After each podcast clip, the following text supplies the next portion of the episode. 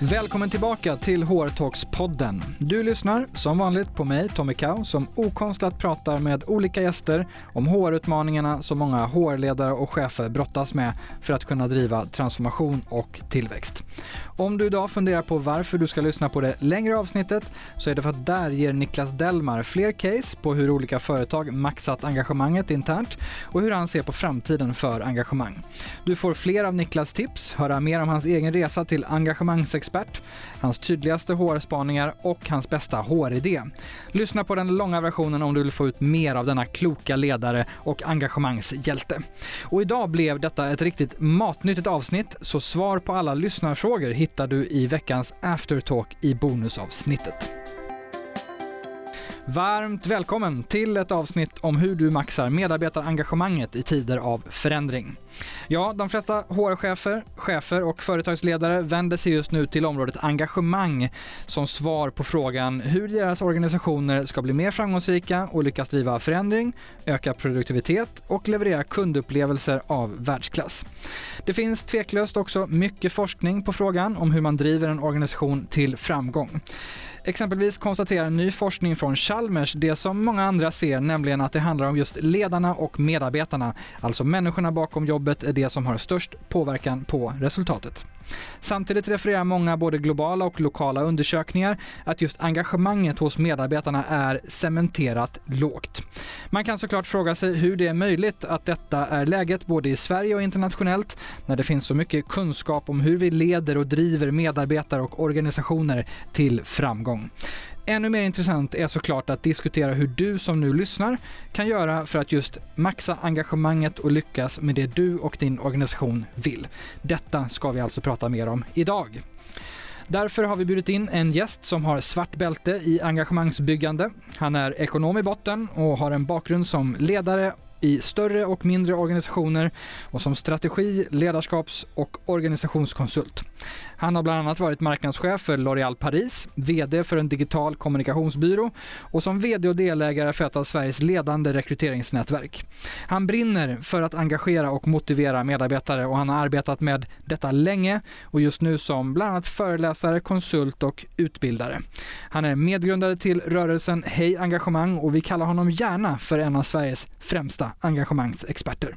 Han heter Niklas Delmar och nu sätter vi igång dagens skarpa samtal. Hjärtligt välkommen till HR-talks-podden Niklas Delmar. Tack snälla. Du är ju en tämligen van poddare, men hur känns det att vara i en HR-podd?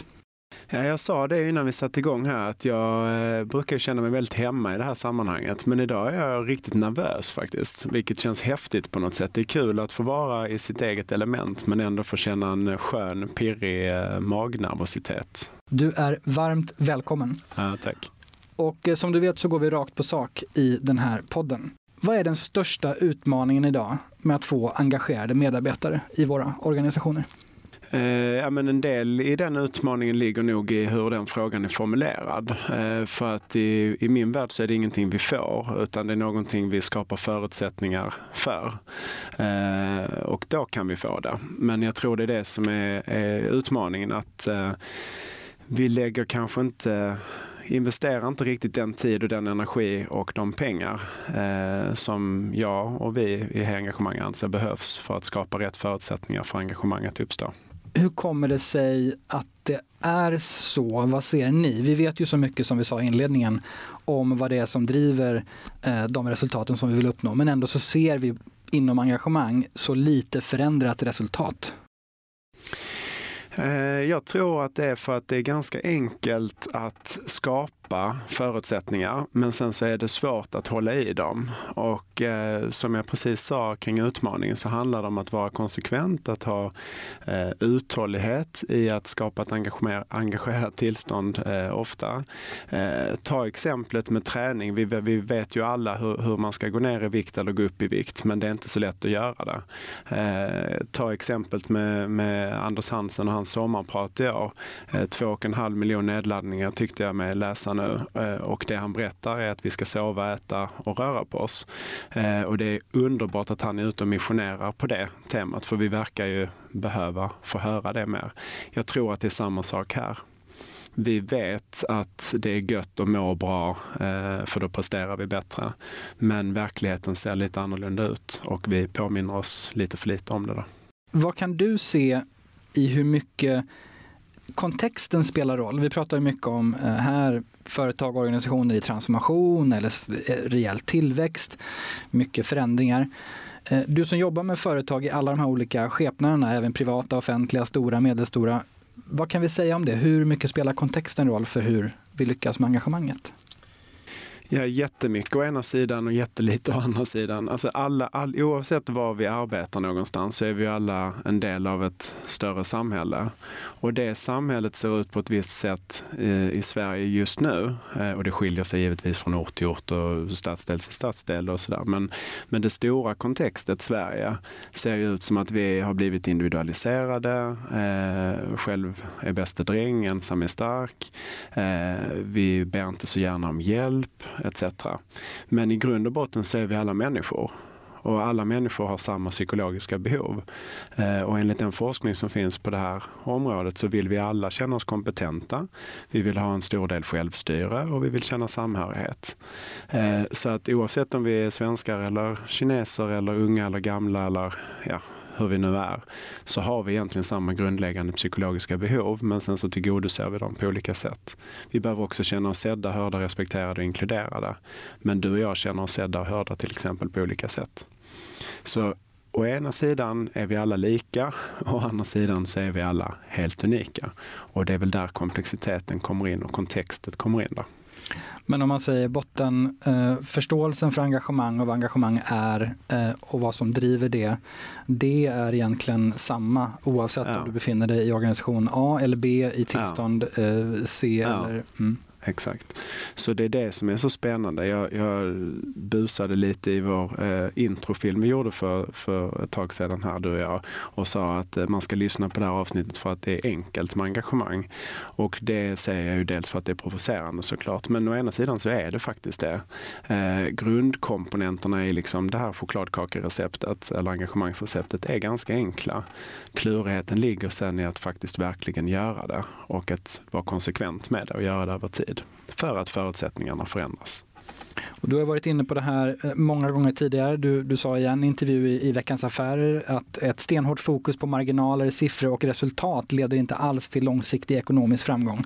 Våga vänd ryggen till de här resultaten och börja istället med att skapa engagerade medarbetare. Eh, och den omedelbara frågan som poppar såklart är det vi lite varit inne på, men det är så här, varför är det här så svårt? Jo men det är väl just det. det har vi inte tillräckligt mycket bevis för det här? Exakt. Det jo men, men kontextet ser annorlunda ut. Pressen på eh, alla bolag som är på börsen är kvartalsbaserade eller månadsbaserade. Eh, vi har brist på tid i vårt samhälle, vilket egentligen tror jag handlar om att vi har brist på energi och därav Anders Hansens eh, stora framgångar kring att vi ska sova och äta allt det där. Så att allting hänger ihop på ett spännande sätt och jag tror det är det som är utmaningen faktiskt. Mm. Och du pratar också, eh, inte bara du, men ni och eh, du har jag, eh, det har jag själv hört mycket prata om just att vi som individer då, om vi går tillbaka till det, mm. behöver gå från, från måste till vill. Ja. Um, att vi, vi vill göra den här förändringen. Kan du inte utveckla lite det? Jo, men om du tänker så här, när du gör någonting för att du måste, som du inte riktigt får energi av, utan du känner att det här är någonting jag bara måste göra. Gå till jobbet till exempel. För, så är det ju för en hel del. Ja. Och då får du en viss typ av, du mår på ett visst sätt och du presterar också eh, därefter. Eh, min hittepågrej kring det, det är ju att när jag vill göra saker så allokerar jag mer resurser till det. Jag tycker det är roligt, jag mår bättre, bara nu lutar jag mig framåt. Liksom. Och då presterar jag på en annan nivå. Så att i min värld så tänker jag så här, om jag gör saker huvudsakligen för att jag vill, så, så, och kopplat till arbetspsykologiforskningen också, så ökar vi sannolikheten att välmående uppstår. När vi mår bra och allokerar våra resurser i den riktning som vi ska för att nå de mål vi har satt upp så ökar prestationen. Så att jag och Hej Engagemang, vi driver ju en linje där du ska må bättre för att prestera bättre. Och sen så är prestation ett spännande ord för folk tycker det är lite laddat. Men jag menar ju att du kan på kortare tid, om du gör saker huvudsakligen för att du vill, uppnå bättre resultat. än om du gör saker för att du måste. Och här kommer vi verkligen in på, på kärnan med, med temat för den här podden generellt och det som väldigt många sitter i och som vi har hört tidigare gäster prata om.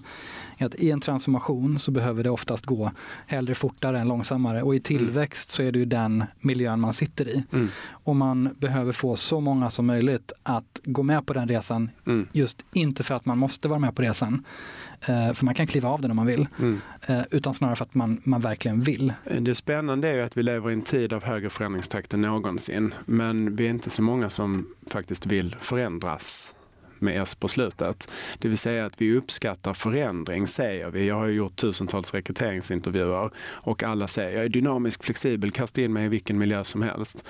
Eh, och så gör jag det. Eh, och sen säger man, ja okej, okay, men det är klart vi kan förändra i den här organisationen, bara ni inte rör mitt team eller flyttar min plats. Du vet, så här. Och det går ju till den gamla klyschan att all förändring börjar med mig själv. Men det är ju jobbigt. Alltså, du vet, försök ändra åsikt från det politiska parti du röstar på idag till något annat. Alltså det kräver ju en massa energi från dig. Och det är det jag menar vi har brist på. Det är grundproblematiken i detta idag, att vi är ett litet, nu generaliserar jag och är lite störig, men liksom vi är lite trötta helt enkelt. Därför att vi sätter väldigt hög press på oss inom väldigt många olika områden. Mm. Och du pratade tidigare innan vi gick in här att vi, vi, grundproblemet för hela den här diskussionen det är delvis, eller kanske till och med till stor del, att vi är tyvärr en ganska trött befolkning. Mm. Jag hör ju ofta så här att jag hinner inte träna för att eh, jag skjutsar barnen till träning. Eller du vet, jag hinner inte det för att. Men för mig handlar det om att vi prioriterar det inte. Det är en annan podd att prata om det. Men, men det är för mig grundproblematiken. Och det är ju ett jobbigt jobb att göra. För det där handlar om att jag som individ behöver identifiera hur ser det ut, hitta mitt nuläge och vad är mitt önskade läge och hur skulle jag kunna skapa en tillvaro där jag har en högre energinivå. Och på engagemang så har vi valt att hjälpa människor med det genom att fokusera på att eh, komma i kontakt med de människorna på sin arbetsplats där vi vuxna ju spenderar huvuddelen av vår vakna tid. Just det. Och där ligger också hela grundbulten i att driva engagemang i transformation eller förändring eller i, i, i organisationer. Att, att driva det på individnivå och sen gradvis skala det upp till, till team. Och... Ja, och att skapa rätt förutsättningar. För vi ser ju i arbetspsykologiforskningen att kreativiteten ökar när engagemanget går upp. Eh, och då ökar ju innovationskraften. Men vi blir ju förändringsobenägna när vi har en låg engagemangsnivå. För då gör vi saker för att vi måste. Så tänk att du går till ett arbete för att du måste huvudsakligen. Även om människan, individen själv inte kanske skulle säga att ja, men jag går dit för att jag måste. Utan, men men det, om, om vi säger att det är så och sen kommer någon och vill att du ska förändras. Du vet, även om du vill gå ner i vikt eller om du vill liksom, så är ju det svårt nog att få hända. Men vi ökar sannolikheten att få en förändring att hända om vi vill att den ska hända. I det här sammanhanget, apropå från måste till så har du också pratat en hel del om, om, om, stora P och lilla P. Kan du bara utveckla ja, det lite? Exakt. Ja, men det handlar om att jag som individ behöver ju jacka i och ta mitt ansvar för vad jag vill och vad jag har för drivkrafter och vad jag har för större syfte. Och det är en väldigt stor fråga. Men vad jag mår bra av att göra. Och sen behöver det jacka i vad den organisation eller det team jag befinner mig i har för större syfte eh, och uppgift. Och, och, och är det en, en dissonans däremellan så är det ju svårt att, att känna en vilja att bidra. Och när ni träffar mycket organisationer, hur känns eh, nu blir jag lite nyfiken när man, när man möter eh, företagsledare, chefer och HR-chefer som, mm. som vill jobba med de här frågorna. Mm. Eh, hur ser den balansen ut mellan lilla p och stora p i vad de tänker att man behöver göra. Så där, och som, som lyssnare så befinner man sig inom de förstår. grupperna. Jo, men vi lägger ju, skulle jag ändå påstå, ganska mycket tid på att definiera varför vi finns som organisation och vilket värde vi skapar. Och så skapar vi värdeord och så sätter vi upp de värdeorden på väggar och så vidare. Men vi investerar mindre tid, upplever jag, i hur passar detta individen som jag har i mitt team. Så får, det är det vi menar med att allting börjar med människorna. Eh, och det är den linjen vi driver. Att du som individ behöver också fundera på, så hur, hur kan jag växa i, i min yrkesroll men också i, som människa för att bidra till det större så att säga. Eh, så det är ett växelspel det där. Och, och, fråga, fråga dina kollegor vad de har för vision och mission och värdeord. Så det är inte jättelätt att svara för, på för de flesta. Liksom. Nej, så att, eh, vi möter olika utmaningar. Det man kan konstatera är att, att jobba med företagets vision och värderingar och de bitarna som du nämner, det finns det ofta ganska tydligt utpekat vem som är ansvarig för de frågorna mm. att driva. Mm. Medan det individuella lilla pet mm. eh, finns det ju i många organisationer ingen person som är ansvarig för. Nej. Utan det är alla som är ansvariga för det. Ja, Spelar exakt. det roll? Ja, det tror jag. Mm. det, det, är ju den vanligaste invändningen jag får. Att säga, jo men hur kul är det att liksom åka på kick-off med dig själv och diskutera vilka värdeord du ska ha till nästa säsong. Liksom. Alltså, du vet, men det, det är ju på riktigt det jag har gjort. Alltså, det, är ju det, vi, det är ju den linjen vi driver. Att, men du kanske ska investera det, den tiden i att fundera på vilken riktning du mm, själv mm. Mm. är på väg i. Så att du inte bara går till jobbet för att du måste det som du nämner nu, att åka på kick-off med dig själv och jobba med egna värdeorden och visionen och så vidare. Eh, det, eh, för att hårdgeneralisera, anses inte särskilt coolt och, och, och eh, uppenbart då inte prioriterat.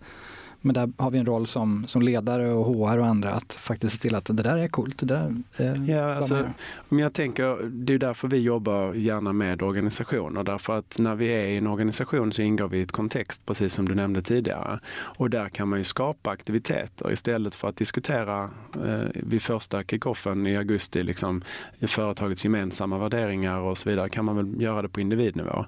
Eh, och sen koppla an till, så vad skapar vi som organisation för värde? Vem skulle sakna oss om vi inte fanns? Och vart är vi på väg? Och, du vet, sådär. och sen kan man slå ihop individ och organisation. Men, eh, men jag tycker att vi investerar för lite tid eh, i att trycka ner ansvaret på dig och mig mm. som är mm. individer. För vi behöver hjälp med det. Det är därför det finns PT när det gäller träning eh, till exempel. Vi vet ju hur man ska träna men vi behöver ändå hjälp. Men du har ju eh, varit väldigt passionerad för de här frågorna länge mm. eh, och, och begeistrad lite av att hjälpa både individer och organisationer eh, mm. utveckla sitt engagemang. Hur har du sett att den frågan har utvecklats? Du nämnde precis träning. Under, under samma period som du har jobbat och varit begeistrad över det här så har vi gått från ehm, eh, att träna helt själva eller kanske i korpen eller vad det nu har varit till att vi har PTs och, och så vidare. Hur ser vi utvecklingen i engagemangsfrågan tycker du? Eh, på liknande sätt. Jag tycker att vi, vi släpper garden mycket mer idag och ber om hjälp. Eh, jag menar, jag har ju själv ett par olika coacher som hjälper mig i olika sammanhang och ett stort nätverk som hjälper mig. Jag ber om hjälp idag på ett helt annat sätt än vad jag gjorde när jag gled omkring som den där osäkra högpresteraren som är min grundkodning. Eh, och på det sättet när jag ber om hjälp, för folk älskar att hjälpa till. Så att när jag bara ber om det så får jag ju. Så överlever jag ju genom att göra saker tillsammans med andra. Och jag tror att en stor del av lösningen kring vårt samhälle och kring vårt engagemang och vårt välmående och våra prestationer ligger i att ta reda på vad jag, när jag funkar som bäst, mår som bäst, presterar som bäst och sen kommunicera det till min omvärld. Och sen då, för då kan ju du som ledare enklare ge mig rätt förutsättningar för att jag ska bli mitt bästa hos dig. Men om man får alla de här förutsättningarna, kan man bli för engagerad? Det kan man absolut. Eh, jag tittar på det och ler lite. Och både du och jag har väl upplevt det vid olika perioder. Eh, att eh, när jag brinner som mest så är det lätt att ta bort min tid för återhämtning, eftertanke, reflektion. Så att jag lägger in det i min kalender nu för tiden. Men jag möter ju många som inte alltid bränner ut sig, men som i alla fall är nära för att man brinner för mycket. När man pratar om engagemang så pratar man ofta om problemet att folk är oengagerade. Mm. Är problemet snarare att för många är liksom för engagerade eller vilken grupp är den största utmaningen möter du? Alltså utmaningen är att det är ju inte, enligt de undersökningar som görs, så är det ju inte så många som är superengagerade. Och då är det ganska ensamt. Det är väldigt många i mittenblocket som är liksom Ja, men har man en bra dag så, så uppstår engagemang och ett engagerat tillstånd. Och har man en dålig dag så gör det inte. Sen har du de som är aktivt oengagerade, men de är i alla fall aktiva.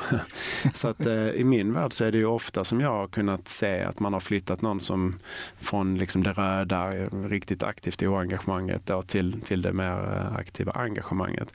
Den största faran tycker jag ligger i, eller utmaningen ligger i den gruppen som, som är lite likgiltig till det här, som ser sitt arbete mer som ett måste. Att jag, jag vill bara gå dit och sen vill jag gå hem. Och för mig så tänker jag att man blir inte livet roligare som helhet om du också går till ett arbete du faktiskt vill gå till. Och om man lyssnar på det här avsnittet och, och är i en eh, ledarroll i någon form, hur tycker du att man ska hantera den, den ena och den andra gruppen så att säga? Ja, I min värld så ska man ju premiera och förstärka de beteenden man vill se i en grupp oavsett vilka de beteendena nu är. Så att de människor i en grupp som har de beteenden du vill se mer av, det är ju de som ska få uppmärksamhet och förstärkas. Eh, utmaningen är att det ofta är precis tvärtom. Att de beteenden som man inte vill ha, det är de som får mest tid och man lägger mest energi på. Och då ser ju alla andra i gruppen att oj, om jag beter mig illa här, då får jag ledarens uppmärksamhet. Och kopplar vi tillbaks till de psykologiska grundbehoven och så vill vi också bli sedda och hörda. Och det gör ju att jag som då är engagerad och har rätt beteende till slut också börjar kasta suddgummi för att liksom få eh, min ledares attention då, när jag gör någonting. Så att eh, fokusera på de beteenden som du vill se mer av. Förstärk dem eh, utan att favorisera. Men lyft de personer som har de beteenden du vill se mer av. Jag tänker lite att ett ansvar som inte bara vilar på ledare i det här, apropå att uppmuntra de beteenden du vill, du vill se. Vi har, om man ska vara lite slarvig nu, så har man liksom kanske en attityd i samhället i stort att det är okej okay att klaga på jobbet. Man, man eh, eh, pratar gärna om hur stressad man är och hur mycket man har att göra och så vidare. Och det där förstärker ju inte nödvändigtvis eh, det som du är inne på. Eh, Nej. Nej, det är ju en jätteutmaning att eh, samtalen runt middagsborden handlar om att vi har brist på tid. Som jag då menar att eh, det ofta handlar om att vi har brist på energi. Alltså vi tränar inte för att vi orkar inte gå och träna. Det är inte för att vi inte har tid. Men eftersom normen är att det är väldigt, ja, det är mycket nu, det är mycket nu. Så, här, så hör man det hela tiden. Vi blir ju som vi äter och vi blir ju som vi umgås. Så är det det du hör hela tiden, ja, då är det tydligen det jag ska säga. Det är klart att ser man den här chefen eller ledaren som, som stressar mycket och inte hinner jobba med engagemang, vare sig sitt eget eller andras, så signalerar det kanske inte rätt sak. Ja, men du vet, jag, jag ser ju på ledarskap som en profession. Och det är som att säga så här, ja, hos oss ska du få bli Java-utvecklare, men du får bara jobba med det 3% av din tid. Ja, vad ska jag göra resten av tiden då? Ja, det vet jag inte. Men, du, men det du är anställd för, det ska du bara...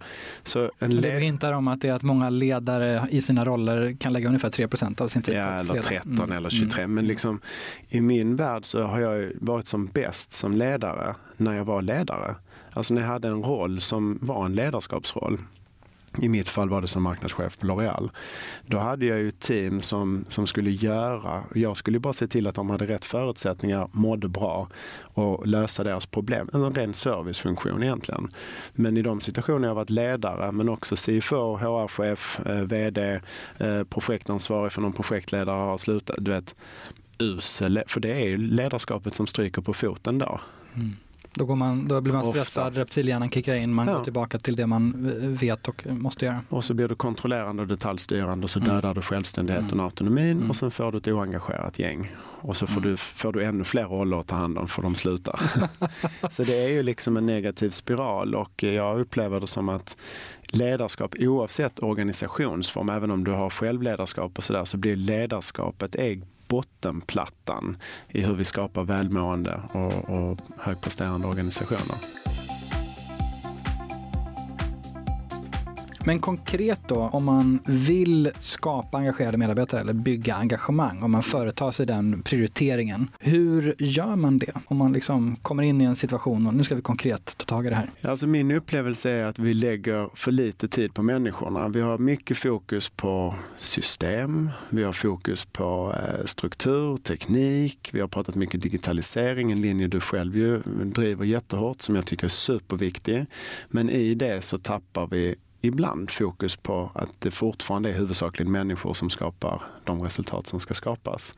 Och vi får för lite tid. Alltså vi lägger för, investerar för lite tid i att förstå varför vi agerar som vi gör och hur vi är som individer och hur vi funkar i team etc. Så att konkret så för mig handlar det om att bestämma sig på riktigt för att människorna är vår viktigaste del av vår organisation. Och jag vill inte säga resurs för att eh, skattkista då, eller liksom snarare. Eh, jag gillar inte när man pratar om medarbetare som FTA och full time employees, liksom heltidsanställda och så, utan jag är ju människa. Eh, jag såg någon bild på LinkedIn i, i morse som var ett organisationsschema där det stod människa, människa, människa, människa, inga namn, bara människa överallt. Liksom.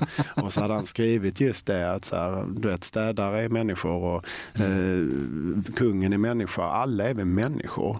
Eh, och så konkret så tycker jag väl det är första insikten att hmm, jag har med människor att göra. Det här är en komplex varelse å ena sidan och supersimpla å andra mm. sidan.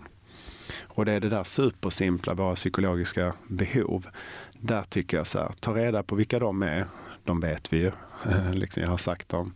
Eh, men ta reda på dem och sen börja jobba med det. Jag tänker om man så lyssnar eh, så har man eh, säkert jobbat jättemycket med engagemang men det finns kanske en del som inte har hunnit jobba så strukturerat som, som du och andra kanske vill att man ska göra. Om man ska jobba mer strukturerat, finns det liksom det är de här stegen man tar sig igenom för att komma igång eller få fart och så vidare? Hur, vad ja, alltså det, fin det, finns ju ett samband eh, i arbetspsykologiforskning. Vi använder mycket self-determination theory eh, som ju är en metaanalys och goal setting theory som är en annan metaanalys. Eh, lite nördigt språk då. Men, men det, där basen ligger ju i ledarskapet. Och ledarskapet handlar för oss både om självledarskap, alltså förmågan att leda sig själv, samledarskap, leda dig själv i samvaro med andra, eh, någon form av medarbetarskap, det vill säga där du låter dig bli ledd och sen då ledarskap, alltså där du leder andra.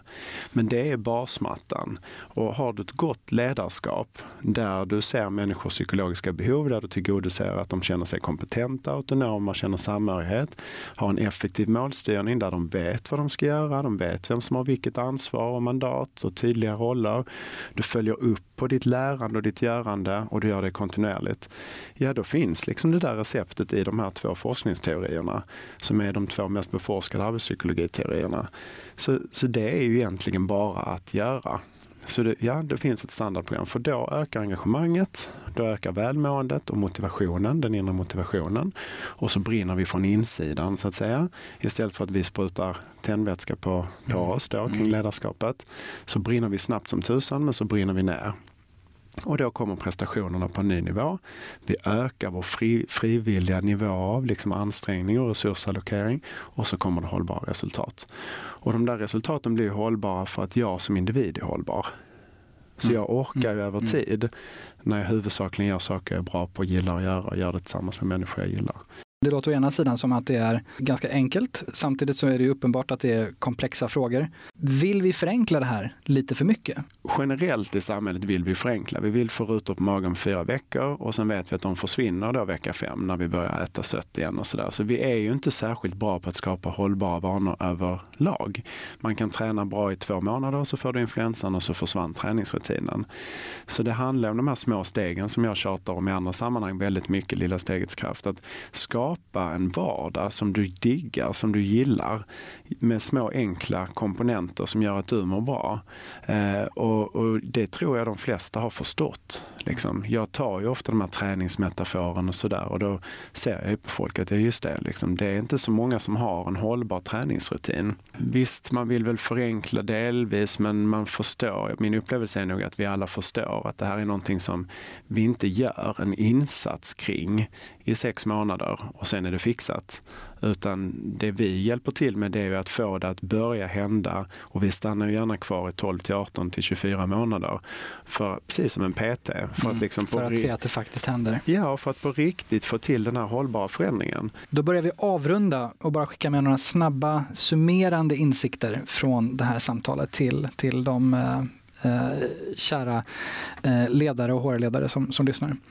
Så vad ska vi säga de främsta utmaningarna som du, som du ser med att maxa engagemanget bland våra medarbetare idag?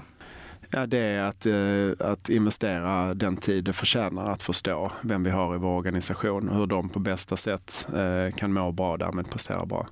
Så att, eh, hur skapar vi förutsättningar som organisation, som ledare för att människor ska må så bra som möjligt och prestera så bra som möjligt? Och om du skulle summera de främsta konkreta sakerna som framgångsrika organisationer eller kunder som du känner till har gjort för att, för att möta det här och åstadkomma det här, vad skulle det vara? Det är ju att på riktigt ta sig an, för man ska, det ska man inte tro är enkelt. Det här handlar ju om att ändra mindset, att ändra beteende, att ändra vissa strukturer, att ändra en viss kultur. Så det kräver uthållighet och det är att bestämma sig. Det är precis samma som med din träning. Du behöver ha en vision för varför din träning idag 06.00 är viktig när du sticker ut och löper. Det är ju liksom, det är inte så kul, men det här är så här att bestäm dig och sen så börja göra. Och vad är det främsta man eh, kan göra för att komma igång på ett bra sätt? Komma igång att göra, som du pratar om. Det är att börja uppmuntra varandra. Mm.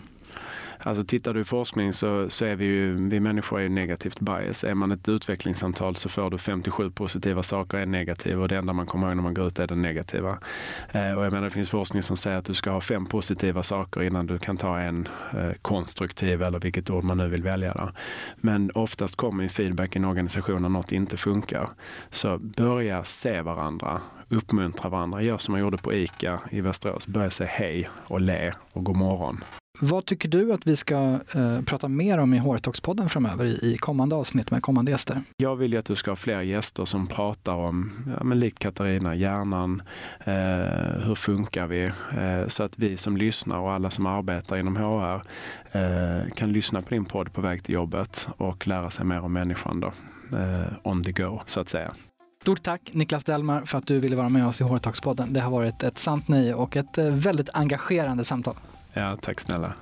Det var ännu ett skarpt samtal i Hårtalks-podden. Stort tack till dig som lyssnat och vill du höra svar på lyssnarfrågor ska du kolla in bonusavsnittet med engagemangsexperten Niklas Delmar.